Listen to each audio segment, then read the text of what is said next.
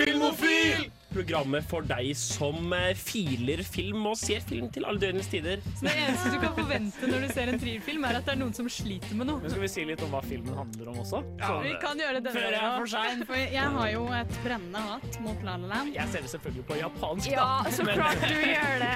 Jeg tror Gary Holm er litt som nissen. Jeg liker film. Du, du står fram som filmofil, rett og slett. Jeg gjør det. Du hører på Film og Film på Radio Revolt. Hasta la vista, Ja. baby. Ja, torsdag er over oss igjen, og vi her i Filmofil er klare for å gi dere en ny kveld fylt med interessant filmprat. I dag skal vi diskutere romfilmer. Space! Yes, space. Eh, for eh, ja, First Man har premiere i morgen, og Trine har vært og anmeldt den, så det blir spennende å høre hennes mening om filmen. Med meg i studio så har jeg på teknikk Henning. Jeg har også med oss eh, Guillermo del Toros største fanboy. Thomas. Vi har med oss direkte fra filmvitenskapslinjen på NTNU. Trine. Og med oss og, også vårt helt ferske tilskudd. Jenny. Og mitt navn er August. Jeg håper du har en fin torsdag. Nå, er vi, nå skal vi høre en låt allerede. Jeg tenker vi kjører på med Kompass og tar deg igjen, før vi skal snakke en del om ting vi har sett denne uka. Så ses snart. Ja, Siste uka har vi i Filmofil eh, prøvd å titte litt på en del film- og TV-serier, og vi tenker å dele litt av det med dere her i kveld. Vi kan begynne med deg, Thomas. Hva er det du har sett eh, denne uka? Jeg er jo selvfølgelig en eh, ganske så stor sånn superheltnerd, så jeg tenkte jo at det var på tide å ta titten på, på Venner, som jeg og min far kaller det. Eh, Venom, da. Men uh, filmen er så mye koselig. Filmen handler om vennskap, så vi kaller han Venner. Og jeg var ikke så fornøyd. Hæ? Den okay. filmen henger ikke sammen på mange leveler. Sånn som karakterutviklingen, storyelementer. Filminga var helt OK, men det var ikke noe sånn mind-blowing. Og klippinga var det, var det var en cookie cutter film. Det var ikke noe spesielt spennende med han. Nei ja, men eh, fortsatt. Venom. Det er Marvel. Det er, det er noe bra med det. det, er ikke de gode Marvel. Det, problemet var mye den der karakteroppbygninga. Ja. For at mye av storyen er litt sånn Å, vent, nå må det skje, og da skjedde det plutselig. For hele filmen går ut på hvordan symbioter ikke liksom, menneskekropper må være perfect match. Bortsett fra den siste halvtimen, for da hadde de ikke tid til det elementet, så fuck det. Ja, jeg tror ikke liksom Det var ikke handlingen jeg var mest imponert over heller, men det var mer det at liksom Ja, det var en superhelt, kanskje. Og så, ja. Så var det litt spennende, da. Så satt jeg i kinosalen og syntes det var gøy. Så da gikk jeg. Av av og til trenger man ikke mer enn en liten helt for å underholdes. nei, når jeg så i traileren, så tenkte jeg det, det er noe som ikke stemmer. For er det her Marvel? Nei, det kan ikke være det. Jeg, jeg vet ikke. Jeg, altså, jeg, jeg vet ikke så mye om Marvel, jeg har ikke sett så mye av det, men jeg føler på det her det er et eller annet som er kraft, altså, alvorlig galt. Du merker jo at de prøver å capitalize på denne her eh, darker, grittier Nettopp. version. ja. oh, Men de innser at Suicide Squad var bomba fordi han var for liksom, det, er- det, er- De prøver det er en sånn balanse mellom humor og Filmen er morsom. Det er mange morsomme elementer. Det er bare når Ja. du ser med et kritisk øye, så er ikke filmen spesielt bra. Men det skal jeg si. Den sluttscenen har man lyst til å få en, få en Venom 2 bare pga. den der teaser-traileren der til neste film. Jeg vil ha det nå, jeg vil ha det i går, jeg vil se det! For Det var så fantastisk sånn oppbygger. Filmen var shit, men jeg vil ha mer. Noen ganger så er det liksom end credits-scena som er best. Jeg følte det om Deadpool 2 også. At liksom Filmen i seg selv var litt sånn Ja, greit. mens kom end- end credits-scena, og da var det sånn Å, jeg liker dette veldig godt. Jeg har også sett en del eh, film eh, denne uka. Jeg har eh, hatt et eh, gjensyn med eh, X-Men Apocalypse. Den var, den var fortsatt dårlig. Den har ikke aga som god vin. Nei, den var, den var kanskje enda, enda mindre gøy denne gangen enn forrige gang. Det er jo ikke så veldig lovende. Men det var, selv den ene scenen jeg likte godt sist, likte jeg ikke så godt denne gangen. Det det var litt, det var litt Hvilken er det? Eh, Den scenen der familien til Magnito blir drept. Dette er i starten av filmen, så det er ikke major jeg trodde du skulle si løpescene, som alle andre. Se inn 20 minutter, så går du for familiedøden, du, ja. Ja, men løpescenen var jo på en måte allerede gjort i Days of Future Past, så jeg brydde meg Men de gjorde det større og mer eksplosjonete. Men det gjør det ikke noe morsommere. Jo! Har du sett Blockbusters? Mer eksplosjoner equals bedre film. Det er derfor Transformers 4 er den beste filmen noensinne. Eh, de lagde en femmer for en grunn. ok? Det er litt som å prøve en pose godteri som du likte som unge, så prøvde du igjen for fem år siden, så prøvde du igjen nå. Liksom, nei, fortsett. og den biten som var sånn OK, det var liksom Nei, ikke den heller. Mitt problem med den filmen er jo det der at det blir mer shitty jo mer action i det går. Fordi X-Men-filmene, de gode i hvert fall, har alltid handla om det mellommenneskelige. Mer den derre eh, liksom Black, uh, sånn, det er sånn black rights, liksom det der om uh, civil rights som gjør dette her, liksom. Og det, det føler du ikke i denne filmen. Det er bare en actionfilm. Ja, mitt, mitt hovedproblem er nok kanskje at antagonisten bare er en veldig kjedelig blå fyr som ikke egentlig, ikke egentlig gjør noe interessant. Han bare er der for å være blå og slem. Men Og det- Oscar Isaac, da. Hva er jobben din? hva blå? var, hvorfor ble han Spiller det? Oscar Isaac Ja, det er? Oscar Isaac. Oh my. Han, han er liksom mindre karisma enn Ronan the Destroyer i Gardens of the Galaxy. Liksom. Det er helt krise. Da er det, Men det samme blåfarge. Blåfarge er en dårlig ting. Ja, the, the Blue Man Group er liksom de aller kjedeligste uh, superhelt... uh, sk eller superskurkene jeg vet om. Lilla, derimot. Ja. Men uh, nå må vi høre en låt. Vi skal høre Jon Olav med 'Hvite bygninger' før vi hører hva resten har sett siste uka. Ja, der hørte vi Jon Olav med 'Hvite bygninger'. Og eh, her i Filmofil i kveld diskuterer vi fortsatt eh, ting vi har sett siste uka. For det er ikke bare jeg og Thomas som har eh, tittet på litt film og TV. Det har også du, Jenny. Det har jeg faktisk. Jeg så en wow. film i helgen, tror jeg det var, Mm. som var Tomb Raider. Og nå oh, oh, Den som kom ut i år, tror jeg. Eh, Ja, for, for spilladaptasjoner er jo kjent for å være veldig bra filmer ofte, er det ikke det? Absolutt. absolutt. Filmofil for the highbrow-filmer vi ser på filmnerdene med Apocalypse, Venom og Tomb Raiders. Men nå har jo ikke jeg liksom noe kjennskap til spillet whatsoever, så jeg syns liksom handlingen var litt spesiell for min del. Men det var jo en actionfilm, da. Men er det den nye? Er det det gamle Nei, det filmen? den nye. Det er den nye. Hadde hun trekanta pupper? Nei. Da var For det det, ikke for det er noe alle vet om det spillet, tror jeg. Alle, gutter, alle gutter tror jeg i hvert ikke fall. det. Ok. Alle gutter vet i hvert fall det. Nei, PlayStation 1 var vel det første Raider-spillet. Det var veldig lav, lav grafikk og veldig lav uh, uh, Hva kalles det? Poly, polyrate, eller hva det er for noe. Mm. Så det var ikke så mange former du kunne ha på det ansiktet. Derfor var ansiktene ofte sånne sekskanter. Ikke sant? Sånn.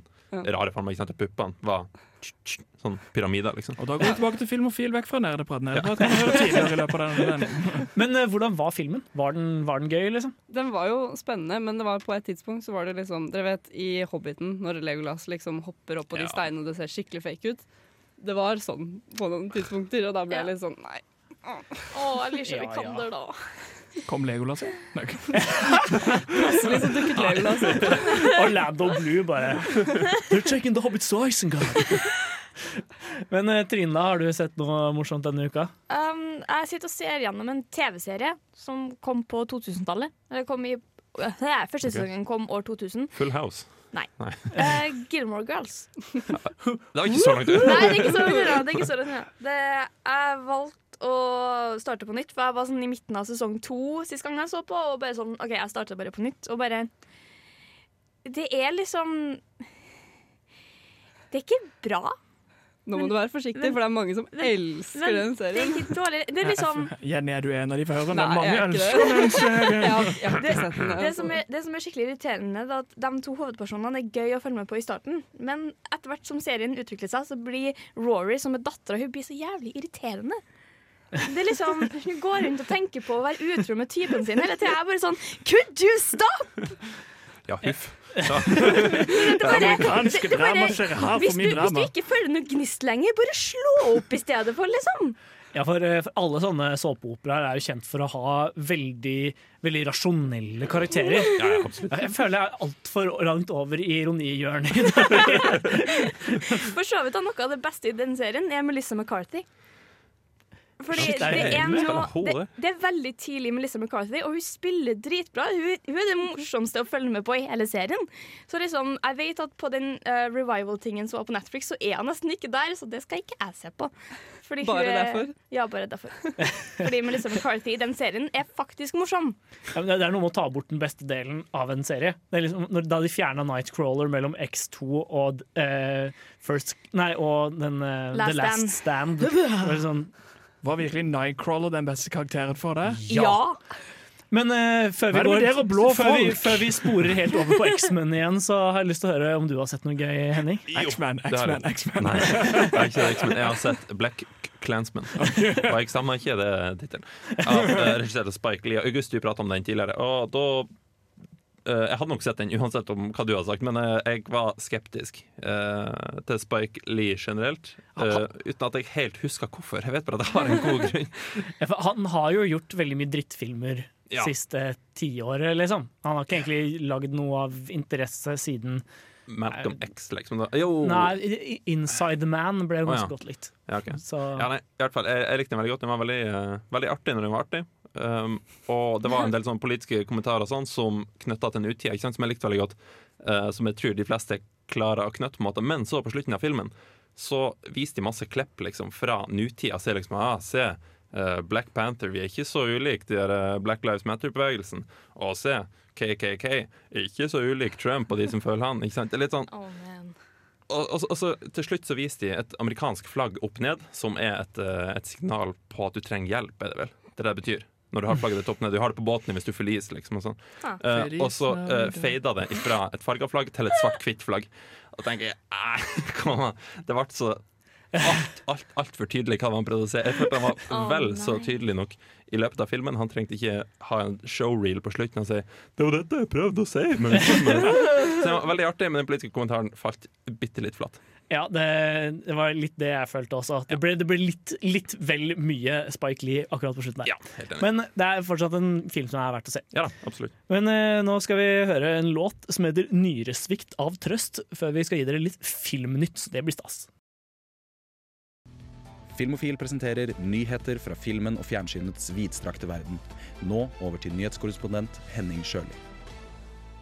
Tusen takk, Viktor. Jeg heter Henning Sjøli, jeg er deres, deres eh, nyhetskorrespondent for dagen. Viktor var en som var med i radioen tidligere. Han hjalp uh, blant annet meg og uh, Det, det er han som var stemmen dere nettopp hørte. Ja, nettopp. nettopp. Uh, ja, jeg skal fortelle dere litt nyheter av det som har skjedd de siste uka. Blant annet, noe av det største, i hvert fall i mine er at James Gunn har fått jobben som regissør av uh, Suicide Squad. Nei, nei, han skal skrive. Skriv, unnskyld. Skrive manus. Stemmer. Det var det. Og jeg sa å nei når jeg leste her. Ikke så mye fordi jeg ikke liker James Gunn. Han er for så vidt god, han. Guardians of the Galaxy er veldig bra. Men det er mer det at jeg liker ikke at Suicide Squad får en oppfølger i det hele tatt. Det er jo lenge siden, da. Ja, det er det absolutt. Og det, det er mer at du blir påminna av blir påminnet et tog som kjører imot et, et sykehus, liksom. Og du ser at bremsen er kutta og alt. det sånn, nei, nei, nei. Men nå er jo uh, Suicide Squad en Oscar-vinnende film. Så Nei, men problemet mitt med den filmen Jeg syns jo skuespillet er relativt bra. Jeg synes at filmingen er helt god. Problemet der er jo manuset og klippingen. Så jeg er faktisk litt stoked på at de velger å skrive det om en person som er proven at han kan skrive Ja. morsomme douchebag-roller som du har følelse for. Liksom, det er en sånn forfatter slash regissør jeg er litt spent for å ta opp med denne sjangeren, fordi at du ser at det er dette DC ønsker, og da har de ansatt en veldig talentfull fyr for jobben.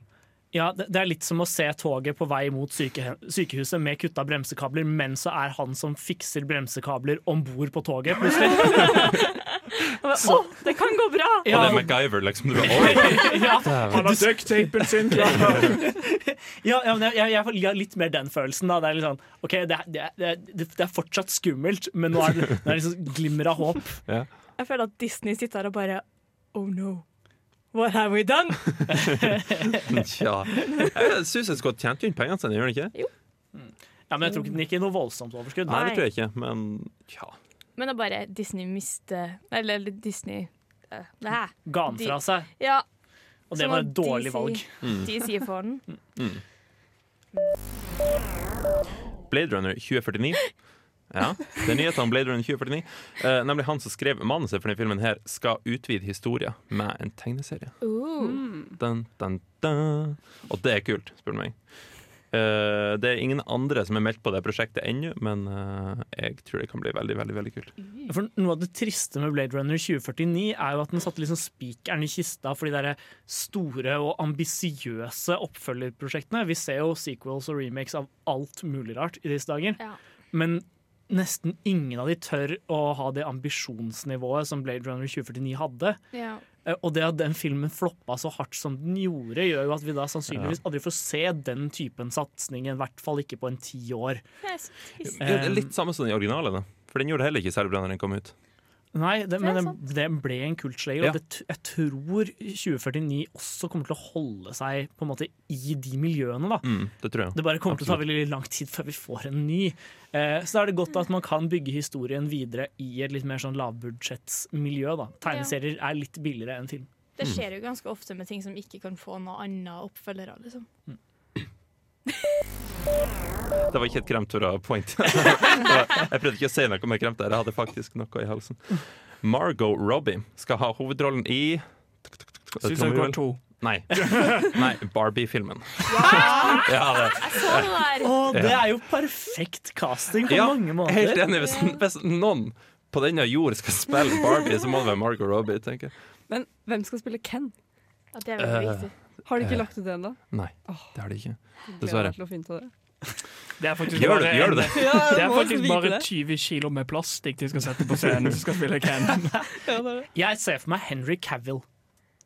En litt glattbarbert oh, Henry Cavill. Nei, Jeg vil ha- oh, gud. Jeg vil det blir sånn at Gud. når de skulle CG-fjerne barten hans, det blir bare liksom CG Henry Cavill. Jeg vil ha Toby Maguire eller Daniel Radcliffe eller hva han er som heter Frodo. Eh, hva heter? Elijah Wood. Jeg vil ha en av- jeg vil ha en av de Oh tre som God. Ken.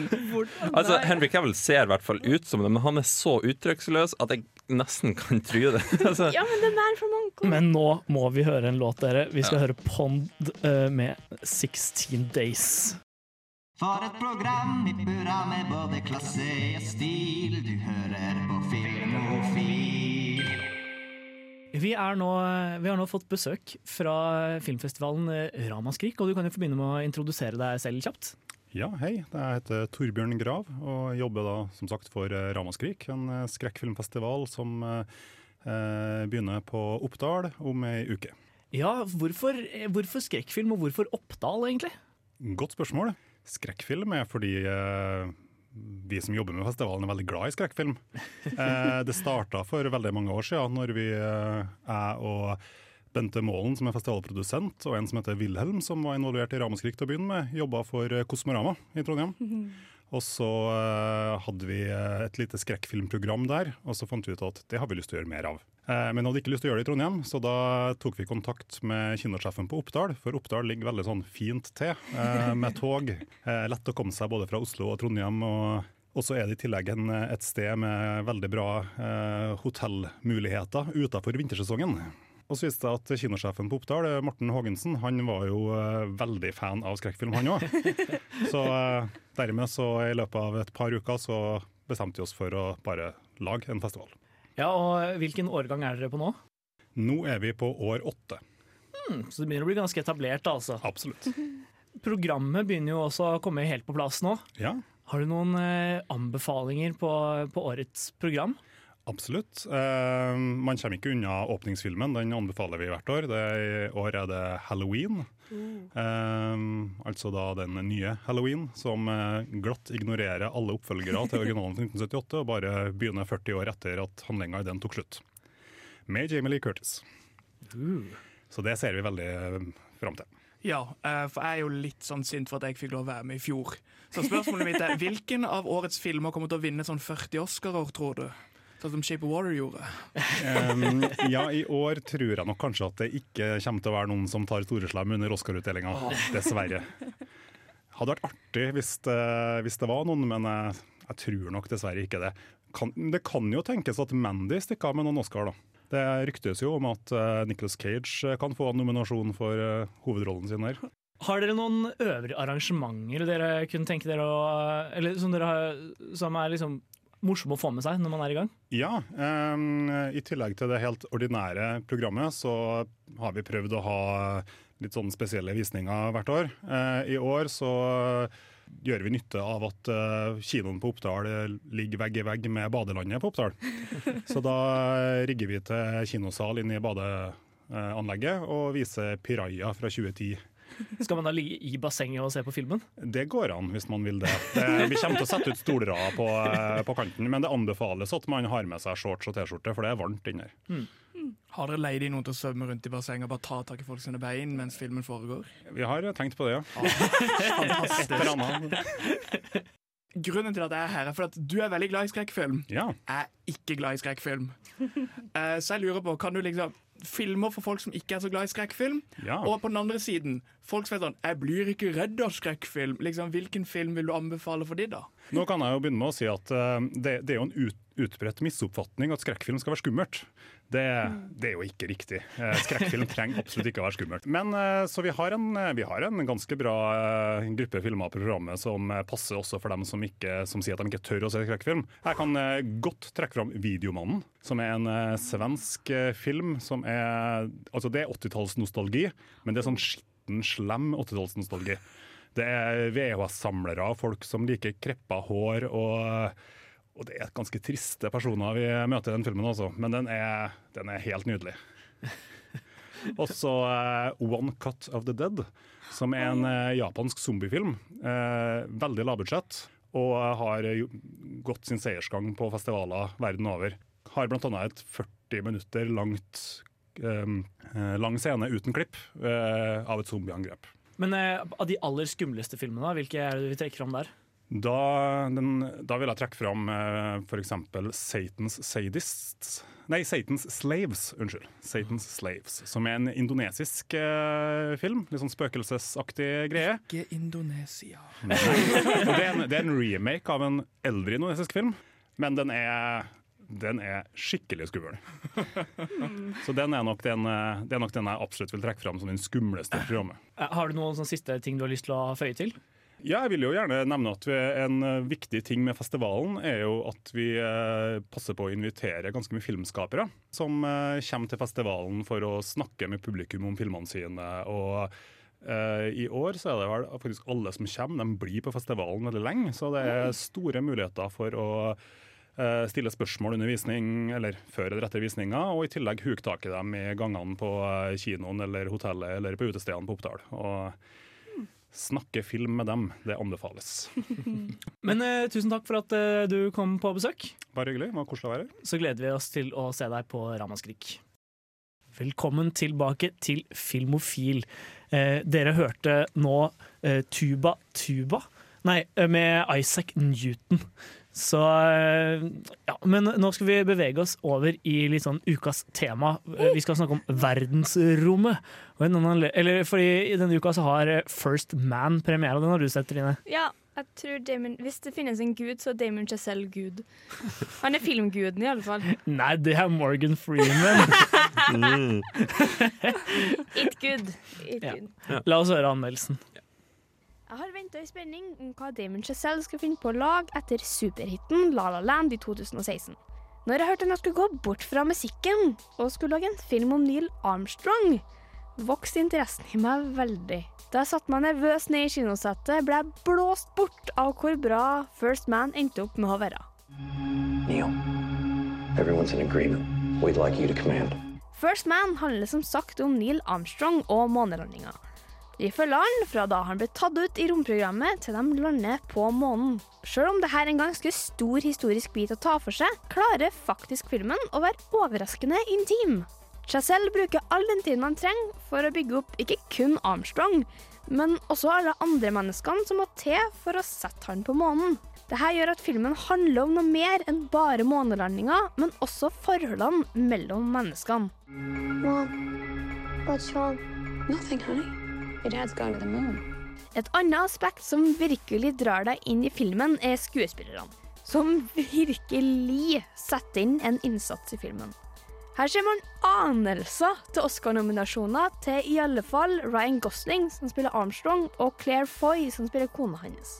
Skuespillere drar deg såpass inn i filmuniverset at enkelte scener blir så intense at du ender opp med å sitte helt fremst på setet og lure på om Kommer alt til å gå bra, sjøl om du vet at Armstrong lander på månen?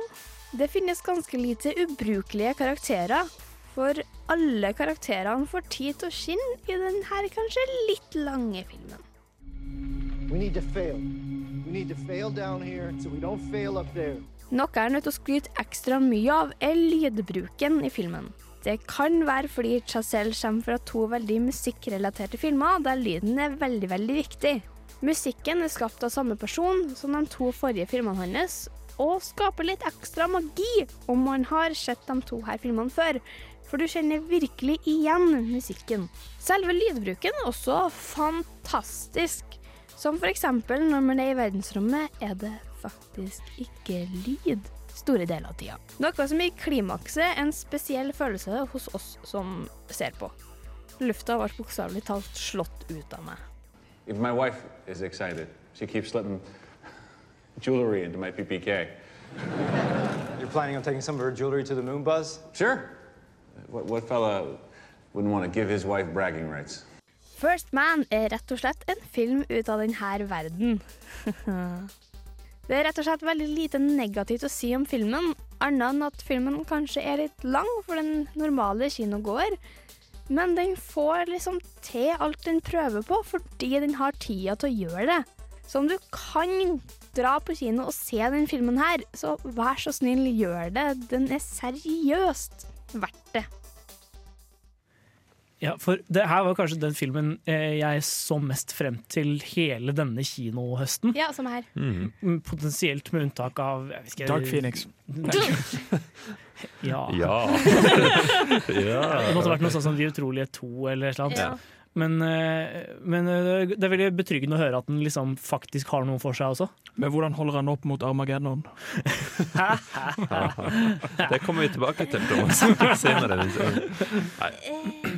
Men ja, føyer den seg inn i den der tradisjonen med veldig realistiske romfilmer som vi ja, Vi kommer jo inn på det senere, da, med Apollo 13 og eh, ja, The Right Stuff og sånn. Ja, jeg vil si det. Men det er liksom, hele filmen er jo basert på biografien til Neil Armstrong. Så det er liksom Du, du ville ha trodd at det, er liksom, det som blir tatt opp i filmen, faktisk har skjedd, og at det ikke er altfor mye som er liksom lagt på. Det kan jo hende han har glorifisert sin egen historie helt latterlig. da. Man vet jo aldri.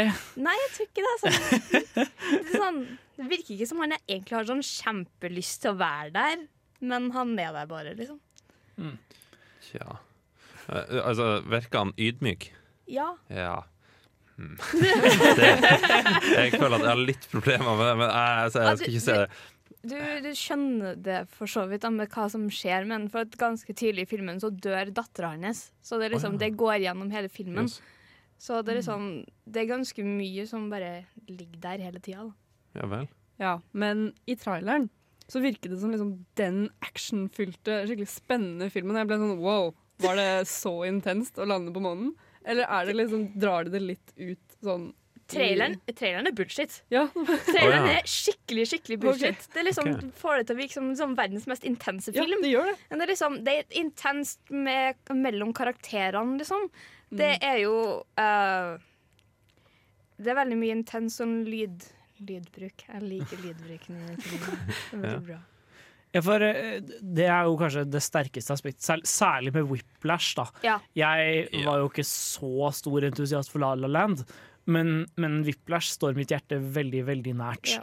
Eh, og den er veldig god på å gjøre på en måte de medmenneskelige det medmenneskelige dramaet til et lyddrama også. Mm. Fikk han til noe av det her også? Det blir jo liksom ikke på samme måte, da. Så det er veldig vanskelig å sammenligne Ja. akkurat det.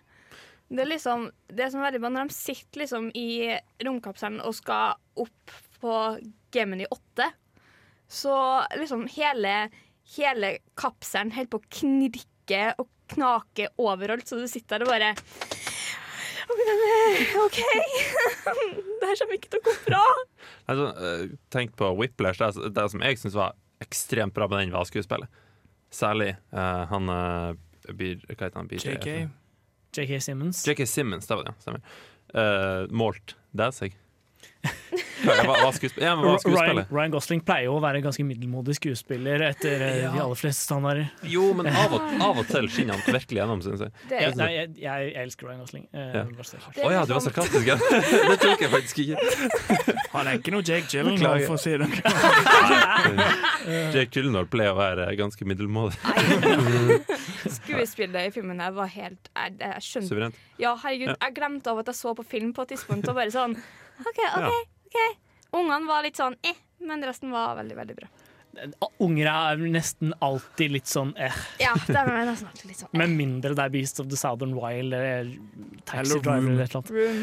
Men eh, nå må vi høre en låt før vi skal snakke liksom virkelig dypdykk i- ta et dypdykk inn i rommet. Vi skal høre Anderson Park med Tint. Generelt, har du, har du ting du irriterer deg over, eller aspekter ved romfart på film som bare ofte ender opp med å være feil?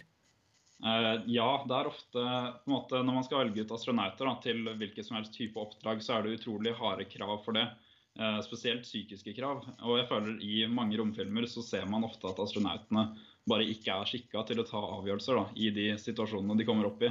Og at de må lære seg litt fysikk på veien, som egentlig er ganske elementært. og sånne type ting. Eh, Så når det gjelder utvelgelsesprosessene, så virker det ikke som de har alt sånn som det er i virkeligheten. da. Eh, ellers så er det jo lyd i rommet, eh, er jo en gjenganger på film, eh, men det er også veldig kult. da. Så det, eh, jeg setter litt pris på at det er sånn i film likevel. Ja, det dere hørte der, var eh, en konversasjon jeg hadde med min eh, venn Petter. Evju Skanke, som jobber på Norsk Romsenter. Det intervjuet vil bli omformet til en nettsak og lagt ut på radiorevolt.no i løpet av morgendagen cirka. Så så hvis dere har lyst på mer facts om uh, Facts and figures rundt fi filmene vi, vi snakker om i kveld, eh, og hva de gjør riktig og galt, så kan dere lese den nettsaken. Den uh, tror jeg blir bra. Men det vi har tenkt å gjøre i dag, er å rett og slett ta for oss eh, rom, filmer om verdensrommet som etterstreber en viss realisme, og så går liksom lenger og lenger ut i, i science fiction. da. Mm. Uh, og i den anledning tenkte vi det var naturlig å begynne med liksom de helt realistiske filmene, nemlig de historiske. De som på en måte er i samme gate som First Man. da. Ja. Så, og- og Et godt og nylig eksempel på det er jo Hidden Figures. Et veldig godt eksempel på det. Ja, for Hva handler filmen om, egentlig? Nei, den tar for seg da tre programmerere fra NASA som er med da på å ja, programmere og få til eh, ja, første sirkling rundt jorda, tror jeg det. Med, ja. De skal vel beregne de første liksom, bane... eh, Flight trajectories. Jeg Ja. kommer ikke på eh, det norske ordet for det i øyeblikket. Flybane. Flyvebanene til, disse, til disse Mercury-kapslene. Og en eh, relativt viktig del av storyen er jo dette er jo afroamerikanere. Og, Og hvordan- kvinner. Og kvinner. Eh, Sa jeg ikke at det var kvinner? Nei. Eller afroamerikanere.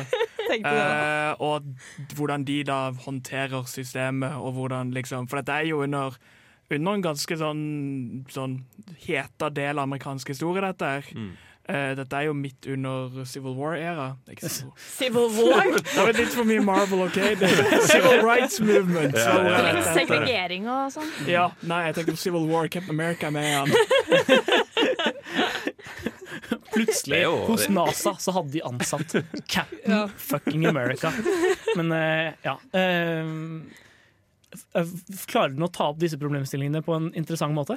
Det er jo det som er litt problemet, og mye problem med sånn biopics, da, er at mye av disse hendelsene er ganske så overdrevet. Uh, har jeg funnet ut i senere tid. Sånn som det er en sånn infamous toalettscene uh, som er ganske aktiv i traileren. Det visste ikke hovedpersonen skjedde eh, sånn fem år. Hun visste ikke at hun brukte det hvite toalettet. Og når noen sa det til henne, så sa hun bare OK, og fortsatte å bruke det, og de droppa saken. Så det egentlig en sånn stor del av storyen bare er ikke sannhet. Må jo gjøre det litt mer interessant, da, vet du. Ja, det hadde vært litt sånn kjedelig hvis alle er litt sånn halvveis OK. Det er, det er ikke hyggelig. Ja, for det var liksom en scene jeg husker jeg så den, så traff den meg skikkelig. Jeg var sånn, Åh, det er så fint, og det er så bra de har det. Men når de ødela det liksom bare hele I'm sorry. Hele greia med den. Ja. Skal jeg fortelle en annen ting? Captain America var ikke med heller. Kan kan jeg komme med en bitte liten teit fun fact som egentlig er bitte litt relevant?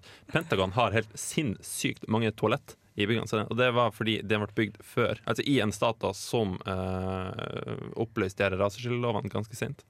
Eh, på grunn av det så hadde de svarte og hvite toalett. Så de har vel over dobbelt så mange toalett som de trenger. på. De har kjempemange. Slapp dokø, da. ja, De vurderte ikke å bare gjøre alle toalettbåsene litt mindre, da. Sånn at det liksom skulle Mer proporsjonalt til den faktiske bruken. Ja, nei. Nå har de veldig, veldig, veldig, veldig mange toalett. Men da vet vi det. Ja. Jeg tenker jo Noe av det vakre med denne filmen da, er at den, den skildrer jo noe av eh, vitenskapens evne til å forene folk, Mm. uavhengig av uh, Uavhengig av bakgrunn.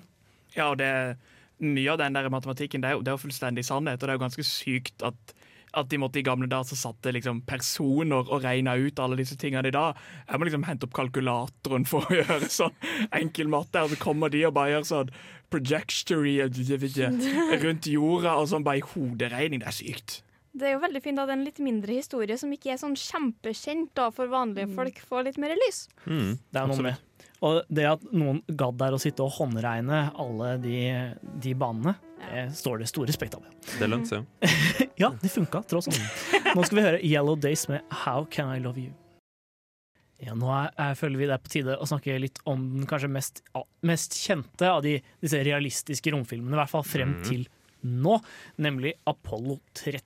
Ja.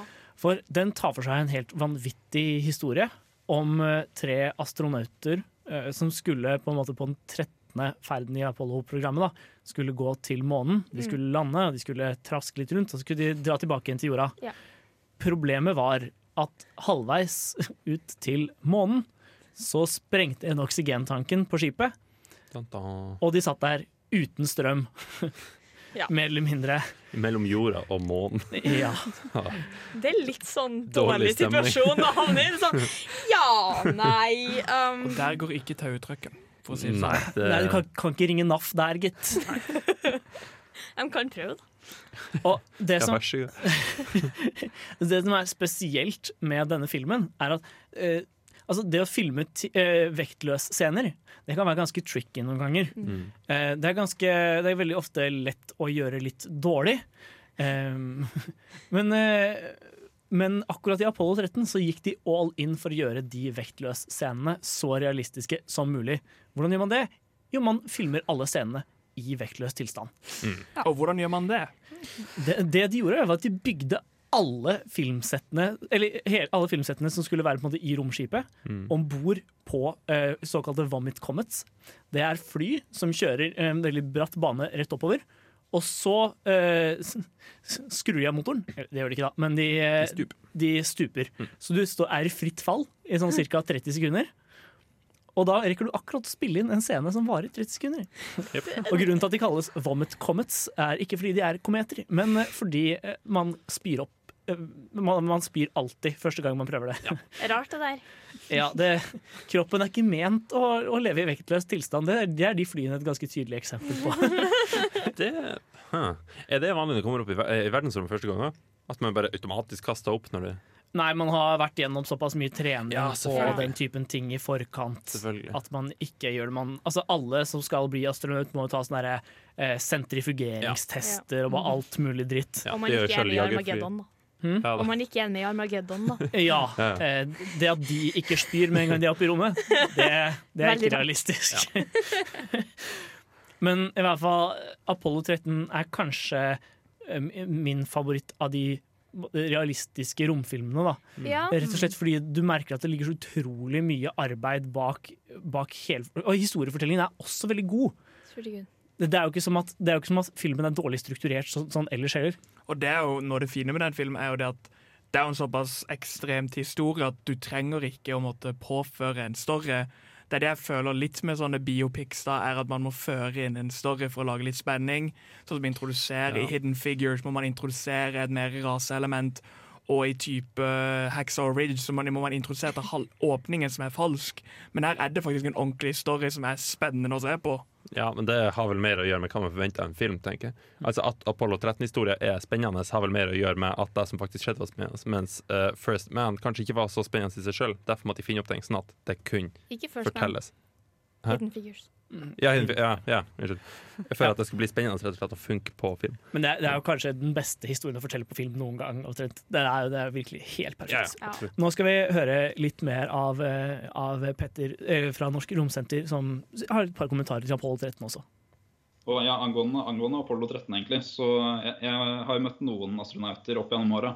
Eh, eh, F.eks. Jeff Hoffman, da, som var med på å fikse Hubble-teleskopet i sin tid. Og jeg spurte han da om hvilken, eh, hvilke romfilmer som han føler fanger følelsen av å være i rommet. Og han trakk fram Apollo 13 da, som veldig bra på akkurat det. Rett og slett fordi eh, de er så fokuserte på det de driver med akkurat der.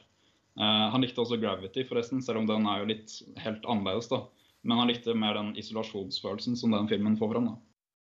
Ja, før, ja, før dere hørte Gorilla Toss med 'Magic Is Easy', så hørte dere eh, Petter Evju Skanke fra Norsk Romsenter eh, am, eller, si eh, at 'Gravity' også er en av de filmene som fanger følelsen av å være i rommet på en god måte. Mm. Ja.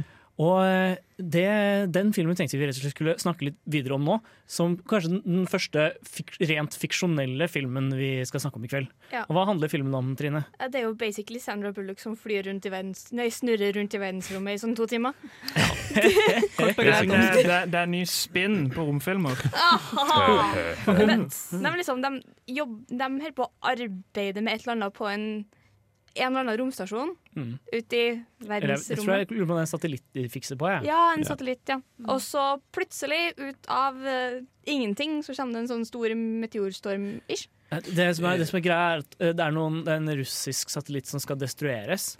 Ja. Eh, men så skjer, går det noe galt, så eh, vrakrestene fra den, eh, den eh, satellitten ender opp med å ødelegge hele romstasjonen eh, Sandra Bullock befinner seg på før de rekker å evakuere. Ja. Og plutselig er hun uh, skipbrudden i rommet og må prøve å komme seg tilbake til jorda på et eller annet vis. Kanskje på litt mindre realistisk vis enn i, uh, enn i Apollo 13. Ja. En Men smule. Ja. det er jo en ting som kan skje, da. Når Eller ikke, Ja, ikke, ikke selve måten hun kommer seg tilbake Prøver å komme seg tilbake til jorda på, men liksom det at noe skjer ute i verdensrommet, det kan godt skje. Ja da, og det er ingen av de tingene som skjer rent teknisk som er umulig, selvfølgelig. Mm. Men det er ganske fantastisk, det som skjer i den filmen. Ja. Litt sånn hallusinasjoner og Ja, det òg. Men skal vi snakke noe som er i den filmen, så er det jo eh, en av mine mange bays, og det er jo Emanuel Lub Lubezki. Tror du skulle si George Clooney. en av mine bays. Nei, ja, den cinematografen. Ja. Åh, det snakker om Ja, ja. Guds gave til film. Duden tok jo tre Oscarer på rad. Den, ja, han vant for, han vant for eh, Birdman, Gravity og så The Revenant. Han. Quotaen sitt er jo liksom at Dude, we Mexicans are stealing all your jobs. Men han lagde, de lagde jo så mye nytt. Sånn som hvordan, Der brukte de jo ikke en vommet uh, comet på filminga her. Der bygde de jo nye sett. Hvordan de har greenscreen, de har bygd og designa nye lysdesign. Og det er bare så sykt mye sånn teknisk utvikling i den filmen som man ikke ser, for det er så fantastisk. Jeg kan gå flere timer, men jeg tror ikke man skjønner det. Men liksom bare, liksom bare hyll den, for det er en fantastisk sånn, Du føler de, de følelsene av å være i space. Og det er mye, mye av bruk er jo kamera der. Hmm. Emanuel, altså- I heart you. Og så må man gi litt creds til Sandra Bullock også. Ja, for den filmen hadde jo ikke fungert hvis ikke hun hadde båret den på den måten hun, hun Mm. klarer å gjøre. da Absolutt. Hun er en ganske sterk skuespiller når hun vil. Eh, Ikke slash, alltid. slash når hun får muligheten. Ja. Det er veldig ofte hun blir kasta dårlig, rett og slett. Ja, det er på at hun er vrang, liksom. og samme agent som Obi-Wan og Nicholas Cage. Han skal representere alle. Ja, det er noe med dårlig casting som kan felle selv den beste skuespiller. Ja. Jeg er helt enig, Hun spiller dritbra i filmen. Hun liksom, du tror på den i panikken og tenker noe så grusomt som fanga Ja. i verden. Til å se hele kloden under det. Alle mennesker i verden chiller nede. Liksom. helvete skal jeg komme meg ned dit? Ja, så henger du, og du vet at du kan ikke svømme fordi det er ingenting å ta tak i.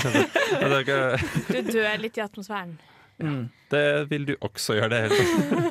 Det er, eh, det er rett og slett en veldig håpløs situasjon, og en veldig veldig spennende film, selv om Ja. den kanskje ikke er like realistisk som mange skulle ha det til da den kom ut. Ja. Det er, Den driver med en god del suspension of disbelief. Og det er Ja alt som er Neil deGrasse Tyson kritiserte den jo ganske mye for å ikke være fysikalsk riktig. Også. Men, men. Nå, må vi, nå skal vi høre eh, to låter etter hverandre. Vi skal først høre Intertwine med Let Go, etterfulgt av Sandra Kolstad og Half-Life. Ja, nå har vi kommet til eh, det som, eh, det som er ukas filmlåt.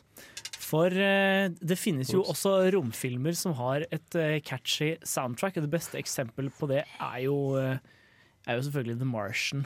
Ja, særlig den scenen hvor han kjører, og der det er masse sanger på en gang. Som gjør det hele enda mye bedre. Jau. For uh, The Martian uh, hva, hva handler den om, Jenny? Det handler om uh, en gruppe astronauter som drar til Mars.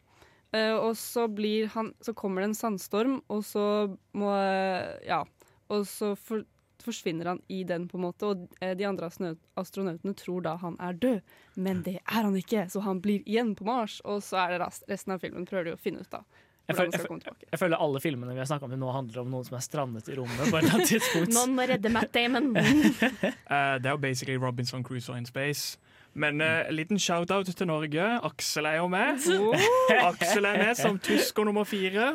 Ja, det var jo basically det markedsføringa var i Norge. Bare se Martian med Aksel Hennie, da, folkens! Sånn. Eh, Ja, han spiller veldig, ja, veldig fin tysk aksent på, på engelsken sin. da De fire linjene han har, eller noe. Veldig, veldig sjarmerende. Men eh, ja, den filmen, jeg syns den filmen var ganske bra, for det er jo en fantastisk pen film.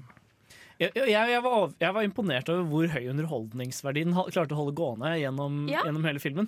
Og så tenker jeg liksom, ok, Mann alene på Mars. Eh, det her kan bli litt kjedelig. Og det er veldig potensial for at de ender opp med å strekke historien helt sykt mye for å holde den i gang. Men jeg syns de klarte den balansen veldig fint. da Jeg tenker Matt Damon alene på Mars ah, Det kan fort bli litt tørt. Ja, Den er jo også basert på en bok, en science fiction-bok, så det må Ja. jo være noe, noe underholdningsverdi der. Som jeg, hvis jeg husker riktig, er ganske kul, for den er skrevet i sånne episoder der han liksom, det er ment å være loggen han holder selv, som er boka. Så det er et ganske sånn kult konsept. For jeg syns det er veldig spennende at de velger å gi han det kameraet. Fordi at uten det så hadde den filmen vært betraktelig dårligere. For det hadde blitt veldig rart hvis han plutselig bare snakker sånn 'Nå skal jeg lage potet', og det er liksom spennende av at du får hans liksom descend into madness. Derfor er det en følelse som, som vi har snakka om. At, uh, skues, at astronauter er litt ofte sånn der vingelige fyrer som ikke vet hva de skal gjøre. Men han vet hva han skal gjøre på verdensrommet. Liksom. Han, han går inn og holder håpet oppe og bygger seg framover, liksom. Ja, og- det at, det at de begår sånn rommytteri mot eh, Minor spoiler. Uh, romskipet bestemmer seg for å uh, ikke lande på jorda, men heller snu og fly tilbake til Mars for å Mm. redde, redde deres mann. Og det hadde de drivstoff til. Tydelig de, de, de, Ah. Brukte, de brukte um, sånn eh, Rotasjon, og Nei, tyngdekraft. nei det, du bruker jordas eh, hastighet til å på en måte gi deg ekstra fart. Ok, For å slynge det til Mars igjen, ikke sant? men du er fortsatt Ja. ned på overflata, og så løfter jeg opp fra Eh, overflata? Det er Nei, nei, nei, nei, de har sånn, bare sånn kjapp svingtur rundt jorda for å få ekstra fart, og så var- fly ut til Mars igjen. Det var også Ja. det de gjorde Ja. på, i Apollo 13. Men da svinger de rundt månen. Mm. Det er jo sånn det er full on-del der. For det er jo ikke full on-mytteri, for jorda er jo med på det. Eh, For de sender jo opp eh, Kina sender jo opp supplies til de sånn at de skal kunne fullføre, for at de må jobbe sammen med Kina. For Kina er den eneste raketten som de kan sende opp for å refuele og refeede disse folkene. Ja, men det skulle jo egentlig ikke være Det skulle jo egentlig være på en måte et annet crew som dro tilbake igjen. Mens de var sånn Nei, vi skal gjøre det. Vi, vi begår rommemytteri. eh, og det har jo faktisk hendt i virkeligheten. At eh, et, en Ja, gruppe om bord ja. på, en, eh, på en romstasjon begikk mytteri og sa nei, vi vil ikke jobbe mer, og skrudde av alle kommunikasjonskanaler. Ja, det Bare Vi vil ha en dag. fri! Verden av at det var streik. Det Ja, det var det var streik. Ja. Og Men, de, eh, de fikk vel det de ville ha, tror jeg. Ja. Men i hvert fall The Pizza. Martian klarer å skildre den på en måte, mann alene på Mars på en veldig kul måte. Ja. Men det, en av tingene som holder han i gang, er rett og slett musikken han blir sittende og høre på. Eh, blant annet ABBA med Waterloo, så den skal vi høre nå. Hei, mitt navn er Atle Antonsen. Du lytter til Filmofil på radio Revolt, og det gjør du helt til programmet er ferdig. Men vi er ikke ferdig enda. Vi har fortsatt mange filmer å snakke om. For eh, nå begynner vi å bevege oss virkelig ut i science fiction-delen av denne romfilmsendingen. Vi har, jo, vi har jo vært i det territoriet en stund, men eh, Mhm. vi skal nå snakke litt om en annen eh, ja, sånn, mer eller mindre realistisk science fiction-romfilm, nemlig Moon. Og han, hva, hva er det Moon handler om, Henning? Jo, Moon uh, var først og fremst litt personlig. Det er den filmen som fikk meg til å si Å, er det Sam Rockwell? Fordi den ga meg virkelig respekt for han, og det fikk meg til å like han veldig godt. Uh, I hvert fall Moon handler om en mann som har uh, en jobb på månen. Han jobber sånn på Han har kontrakter på Det er vel tre eller tre og et halvt år, tror jeg. Nei, to og et halvt. år. Uansett, en, en lang periode hvor han skal jobbe oppe på månen med utvinning av helium-3, er det vel. Og han er helt på slutten av denne kontrakten sin, eh, og når han er ferdig, så får han ferd tilbake til jorda. Ikke sant? Så ja. Han er, han, er, han er svært svært isolert der, så på grunn av stedet han er, sånt, så får han ikke kontakt med jorda eller omverdenen. eller sånt Så han er kun med seg sjøl og driver og steller med sånne roboter som eh, driver og roter rundt på overflata etter helium-3. Ja, og det, Noe av det som er interessant med den, er at den skildrer på en måte tidlig kommersiell bruk av, av verdensrommet. Mm. Du har liksom det, eh, det, Jobben hans er å bare henge der og, og passe på at det, dette, dette helium-3-utvinningsmaskineriet går som det skal. Gjøre reparasjoner hvis det trengs. Og sende helium-3 med raketter tilbake til jorda. Sånn at det kan brukes som drivstoff i, eh, i fusjon, fusjonsreaktorer. Ja, nettopp. Så den spiller vel også på den ensomhetsfølelsen, da, som absolutt Ja. alle andre romfilmer, tydeligvis. Det er Ja. faktisk helt sant. Her er han ikke strandet, da. Men han, eh, han er der av fri vilje. Men, men det er noe med at verdensrommet er en veldig eh, lett eh, Lett setting å gjøre, gjøre folk isolert i. Mm. Fordi ja, transport gjennom eh, verdensrommets kalde vakuum er ikke nødvendig Eller er, er som regel en ikke-triviell oppgave, da. Mm. Og andre akten eh, begynner jo med at han at noe pluts Eller at, at uh, han er i en ulykke med en av disse maskinene. Uh, og plutselig så Plutselig er han tilbake igjen på basen. Mhm. Og brått og, og så ser han Oi, shit, det, er en, det har skjedd noe rart med ene, ene roveren. Og så drar han ut for å sjekke det, og finner plutselig seg selv liggende inni. Dun, dun, dun. Dun, dun, dun. Og da, blir det, da går det over fra å være et, fra å være et sånn isolasjons, rent isolasjonsdrama til å bli sånn kammerdrama mellom de to. Da. Og det er, eh, det er rett og slett en utrolig fascinerende liten film. De hadde jo ikke, altså Til science fiction-film å være, så hadde den jo ikke voldsomt budsjett. Nei. Men allikevel ser den ordentlig bra ut. Og det, det sånn mellommenneskelige forholdet de har klart å bygge Eller det, det, det kammerdramaet de har klart å lage, er rett og slett veldig veldig fascinerende. Mm. Det er en ganske artig film å se på, hvis jeg, hvis jeg ikke husker feil. Sånn Artig å se uh, Sam Rockwell krangle med seg sjøl. Liksom. og de er ganske sprøyte gale begge to, fordi de har vært der veldig lenge, begge to. Ikke sant? Og de begge har lyst til å ferde hjem til familien sin. Og sånn, ikke sant? Men det er min familie, men det er din familie. Og ja, det, det her er spørsmålet. Altså, ja. Har han blitt gal? Og det er ikke akkurat utenkelig når han har vært på månen i jeg tror det er to og et halvt år. Ja, det er noe med det. Ja. Og ja, Det er rett og slett en film som er veldig veldig verdt å sjekke ut hvis man ikke har sett den. Uh, grunnen til at vi altså, jeg, vil, jeg vil si at denne går la, ganske langt bort fra det som er realistisk. Ikke sant? Fordi den tar for seg ganske tunge sci-fi sci uh, si, ideer etter hvert. Ja, troper. Ikke sant? Det er det er langt ifra virkeligheten. Kommersiell bruk av månen er på en måte ikke noe vi Ja. ser for oss i veldig nær fremtid. Selv, om, selv om det absolutt er mulig, ikke sant? så blir ikke det å være framtida til månen hvis det kommer folk opp dit etter hvert. Ja, det er noe med det. Men det er fortsatt en veldig kul film. Ja, absolutt. Nå skal vi høre litt mer musikk. Vi skal høre Rassika med En sjanse til. Og etter det skal vi diskutere de science fiction-filmene som virkelig drar det langt. Ja, eh, nå har vi kommet til den delen av eh, romfartsfilmenes Eller det, det, nå har vi kommet til den gruppen romfartsfilmer som begynner å virkelig strekke grensene for, for realisme, men som fortsatt prøver å holde seg innenfor liksom, rimelighetens grenser. Og den første vi skal snakke om i den sammenheng, er Interstellar. For det er jo en, eh, det er jo en litt Det er en film som har uh, forårsaket ve liksom, veldig mange er kjempestor fan av, og som ganske mange har veldig sterke negative følelser for også. Men hva, hva handler filmen om? Filmen handler jo basically om at uh, vår planet har gått litt to the shit.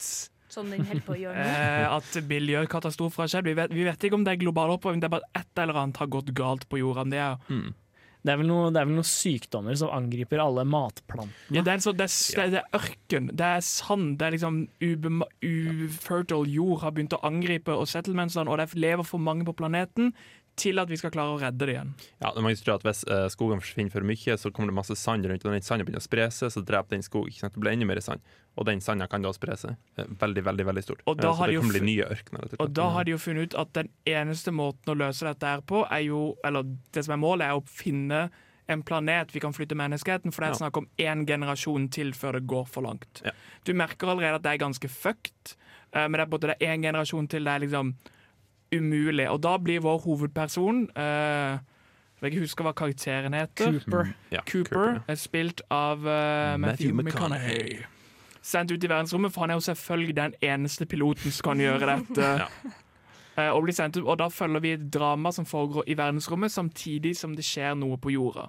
Og vi følger begge historiene. Vi følger det gjennom sånn 60 år. Ja, tror det.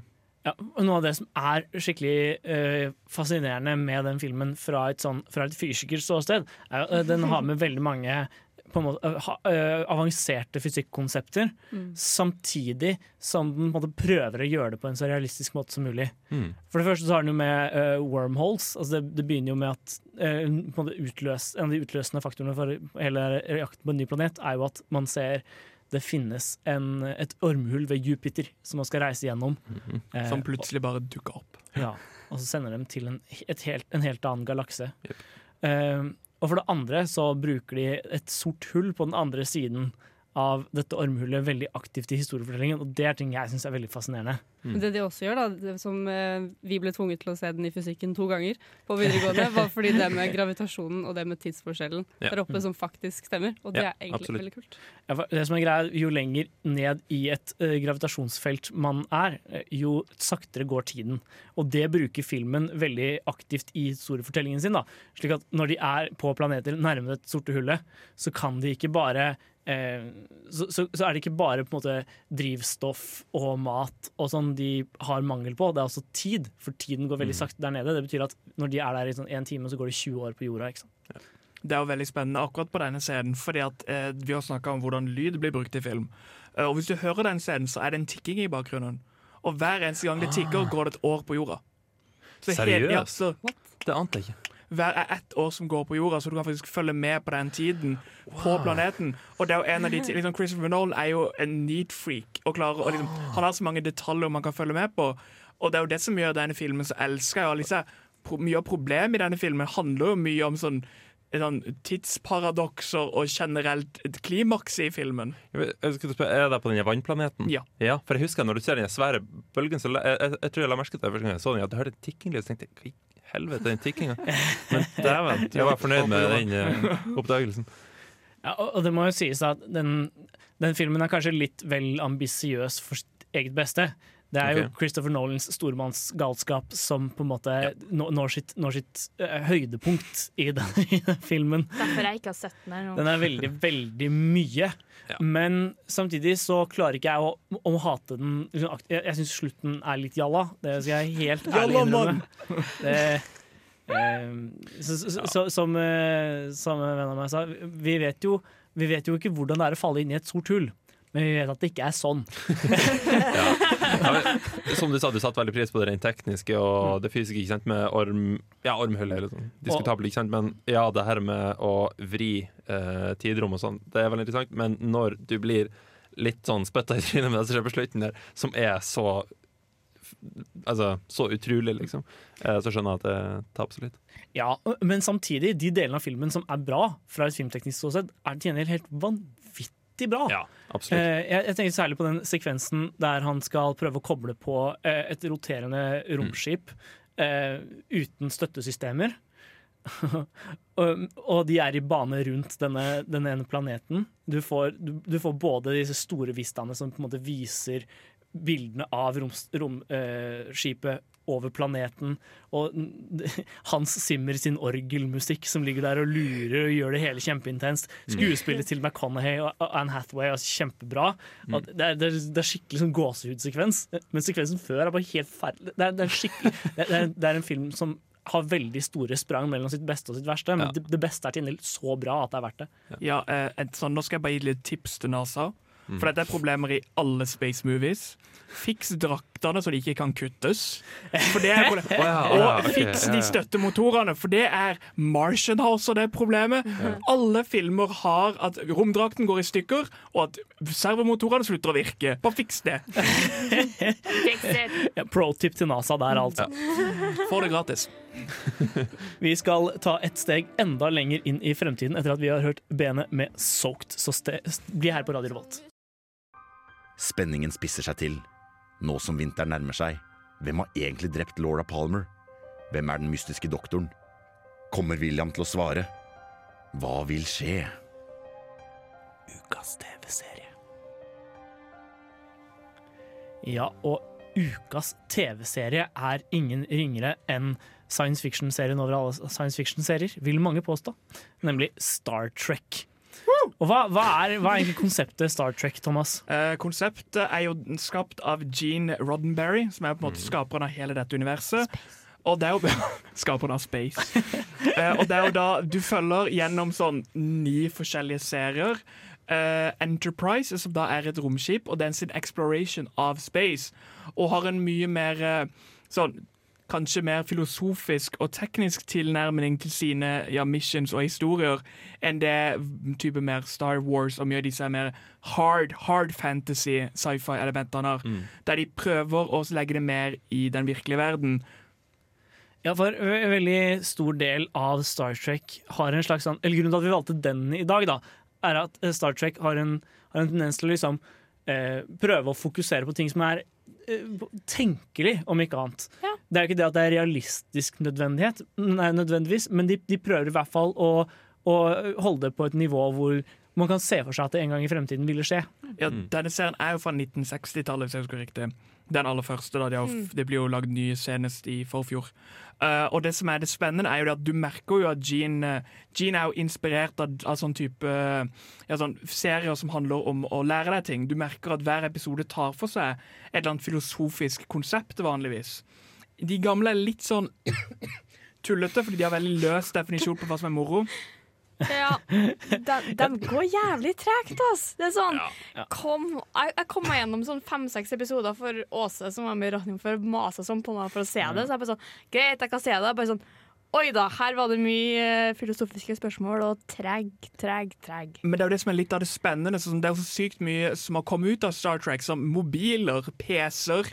Eh, ja, mye av Civil War Civil War? Civil Rights, sånn som det er det første. Apocalypse. det første interracial kysset som skjer på TV, Ja, skjer på Star Trek. Eh, en asiater er en viktig hovedperson. Eh, sorte kvinner har eh, mye de skal si.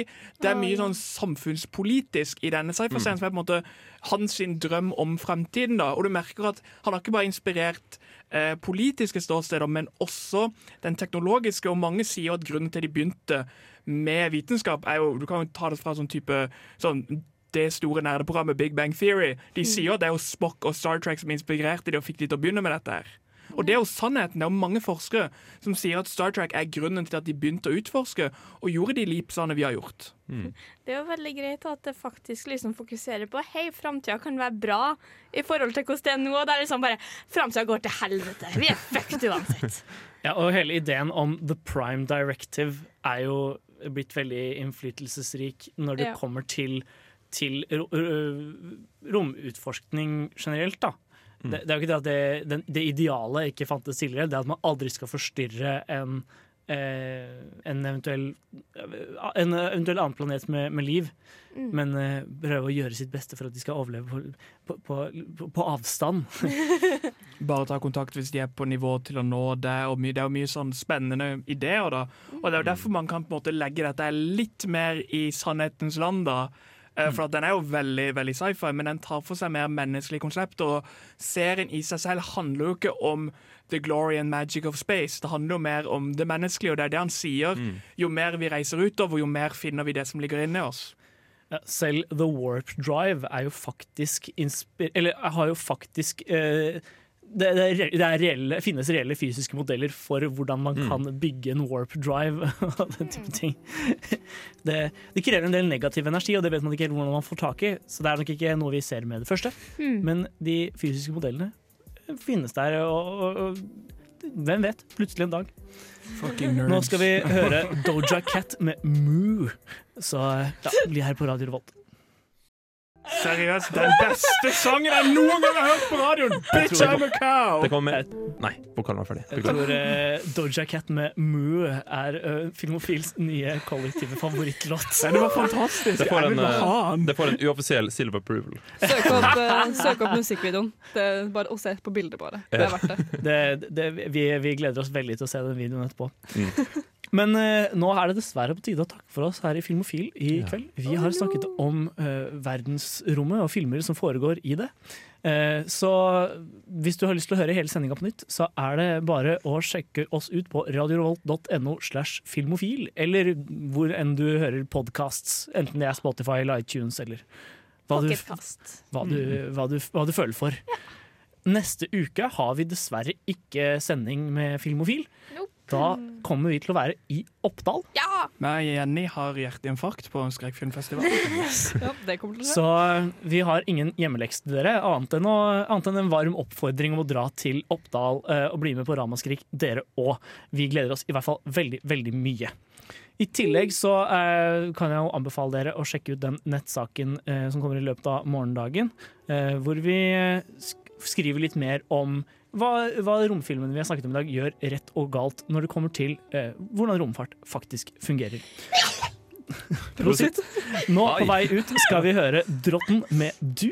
Takk for i kveld.